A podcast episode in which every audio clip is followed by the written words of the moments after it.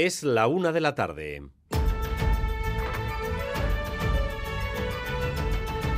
Crónica de Euskadi. Con Dani Álvarez.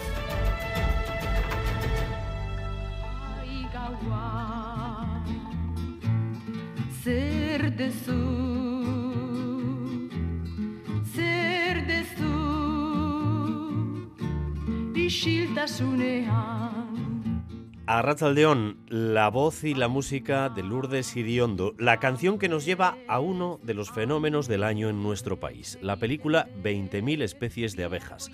La película que nos ha emocionado y que ha recibido reconocimientos en varios festivales, incluida la Berlinale.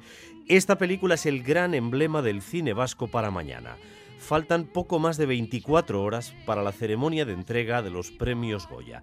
La película de Estíbal Zurresola tiene nada menos que 15 nominaciones y va a tener que competir con superproducciones como La Sociedad de la Nieve. Pero es que las producciones facturadas desde Euskadi suman más de 40 nominaciones en esos premios. Puede ser, por tanto, una noche inolvidable.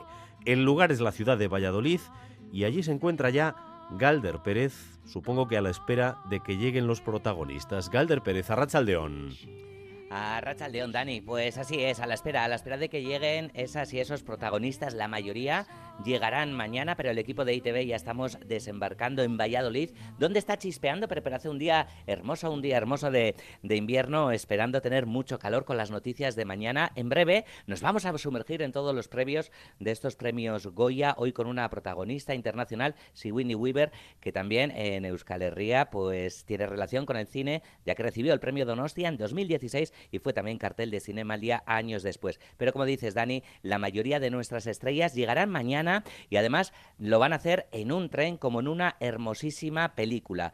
15 nominaciones, la favorita es 20.000 especies de abejas, también 11 para cerrar los ojos de Víctor Erice y decir, destacar, subrayar que se ven reconocidos prácticamente todos los oficios del cine en estas nominaciones e incluso hay categorías en las que compiten cuatro artistas vascos, cuatro de cinco nominaciones como es el caso de Mejor Guión Original. Dani, Después volveremos desde Valladolid con más detalles en esta víspera de unos premios Goya que parecen históricos para el cine vasco. Lo van a ser, sin duda. Además, las tractoradas han llegado hoy a Bilbao. Tres columnas diferentes desde primera hora para desembocar en el Arenal, convocados por el sindicato ENBA junto con N, y con un tono claramente distinto del que se ha exhibido en Navarra o incluso en Araba y no digamos con las movidas organizadas por los agricultores del WhatsApp en el sur de España. Muchos de los convocados quieren protestar contra las políticas europeas, sí, pero sobre todo buscar la simpatía y la adhesión de la gente.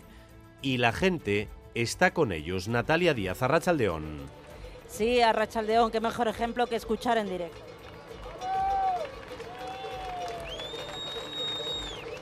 Unas 200 personas le están acogiendo en el Arenal, además con pancartas en apoyo también durante toda la Gran Vía. Eh, nosotros estamos llegando al Arenal y la cola de esta caravana está prácticamente en la Gran Vía, que se está recorriendo a aplausos, puños en altos de gente que está paseando o nos dicen que se han acercado expresamente para apoyar a agricultores y ganaderos. Yo no compro nada de fuera, apoyándoles al 100%. Si ellos se paran, nosotros no vamos a tener ni para comer. Es normal que peleen por defender lo que es su vida y la vida nuestra también. Bueno, aquí también se han superado las previsiones con 100 tractores de agricultores y ganaderos reivindicando su trabajo en las calles de Bilbao y la gente que se acerca aquí al tractor para saludar. Reivindicaciones, apoya, apoya, que nos paran y todo. reivindicaciones laborales ha habido muchas en los últimos meses, pero eh, no hay demasiadas que hayan tenido a la gente parada en la Gran Vía aplaudiendo a los manifestantes. En Pasaya han sido rescatados los 14 tripulantes de un pesquero que se ha escorado a unas 7 millas de la costa cuando estaba faenando. Ha quedado semihundido, pero los tripulantes sanos y salvos gracias a los medios de salvamento marítimo. Pasaya, Anegoña, Rachaldeón. Sí, los 13 tripulantes han saltado a la balsa salvavidas con el traje de supervivencia cuando han visto que la vía de agua era irreversible. Eso ha permitido que los marineros no sufrieran hipotermia. El patrón se ha quedado en la embarcación tratando de contener esa vía de agua hasta que ha llegado salvamento marítimo. El barco permanece escorado y se está analizando qué hacer con él. El viento lo está desplazando hacia aguas francesas, aunque el puerto de Pasaya sigue siendo el más cercano para remolcarlo. Se está analizando qué hacer y en las próximas horas se tomará una decisión. El María Reina Madre, con bandera francesa, se dedicaba a la pesca de la merluza. En el momento del siniestro acudía a una revisión al puerto de Pasaya. Una nueva encuesta, esta del sociómetro del gobierno vasco, apunta a un panorama de máxima igualdad entre el PNV y EH Bildu para las elecciones de primavera. De 10 escaños de diferencia que hay ahora, a empate a 27 y Manol Manterola. Empate a escaños sí, con una diferencia de tan solo dos puntos en porcentaje de voto a favor de los gelzales. El PNV ganaría con claridad en Vizcaya, pero se vería superado por EH Bildu tanto en Guipúzcoa como también en Araba, donde los soberanistas liderarían con un escaño y casi cuatro puntos de diferencia respecto al PNV. El PS con un parlamentario más sería clave para dar mayoría absoluta a uno o a otro. El PP se quedaría como está. En la izquierda confederal Sumar se situaría por encima del Carrequín Podemos 2 a 1.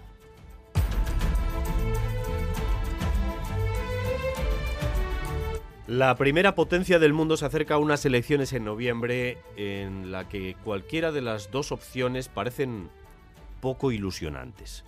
Vamos, que si en nuestro país va de renovación, en los Estados Unidos van a elegir entre uno perseguido por los jueces al que no le parecen mal los asaltos a los parlamentos y otro cuya memoria empieza a dar señales muy serias de fatiga. Óscar Pérez. Sí, ya no son solo los lapsus o las impresiones de los periodistas o los rivales políticos. En un documento oficial, el fiscal que ha investigado los papeles secretos que aparecieron en casa de Biden dicen que el presidente es un anciano simpático, bien intencionado, pero con mala memoria y que en los interrogatorios no recordó las fechas en que fue vicepresidente o cuándo murió su hijo. Biden ha reaccionado enfadado defendiendo su capacidad.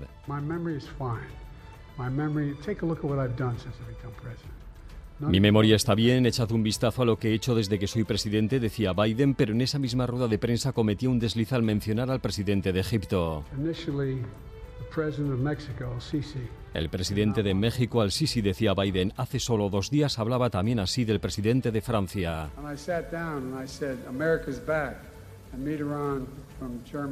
Confundía a Mitterrand, fallecido en 1996, con Emmanuel Macron. El informe del fiscal es munición para las filas republicanas. El presidente de la Cámara de Representantes ha pedido la retirada de Biden de la carrera presidencial.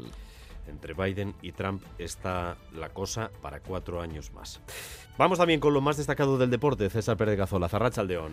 Areste Don Dani, esta hora comienza el sorteo de semifinales de la Copa de la Reina de Fútbol en Madrid, en el Bongo, el Athletic y la Real Sociedad. Las dos tierras se eliminaban anoche al Levante, mientras que las bilbaínas dejaban fuera el miércoles el Ezama al Tenerife. También están en semifinales el Atlético de Madrid y el Barcelona. En balomano, en Artaleco esta noche, cita para Vidasoa, vuelve a jugar dos meses después ante su público el conjunto de Undarra, segundo encuentro de la segunda vuelta de la Soval el rival de Torrelavega, un equipo dirigido por Alex Mozas, la próxima temporada será el técnico del conjunto de Vidasoa y en pelota esta tarde comienza la liguilla de Masters de remonte en el Galarreta Hernani. Se miden hoy Iván Lanza y Xavier Azpiroz. En el tráfico ahora mismo hay cuatro kilómetros de retenciones en la N121A por los tractores que están bloqueando la carretera entre Zumbilla y Don Esteve. N121A, bloqueo, tractorada entre Zumbilla y Don Esteve, 4 kilómetros de retenciones.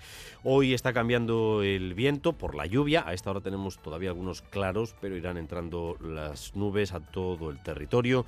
Y para la tarde-noche se esperan incluso chubascos moderados que mañana pueden ser intensos.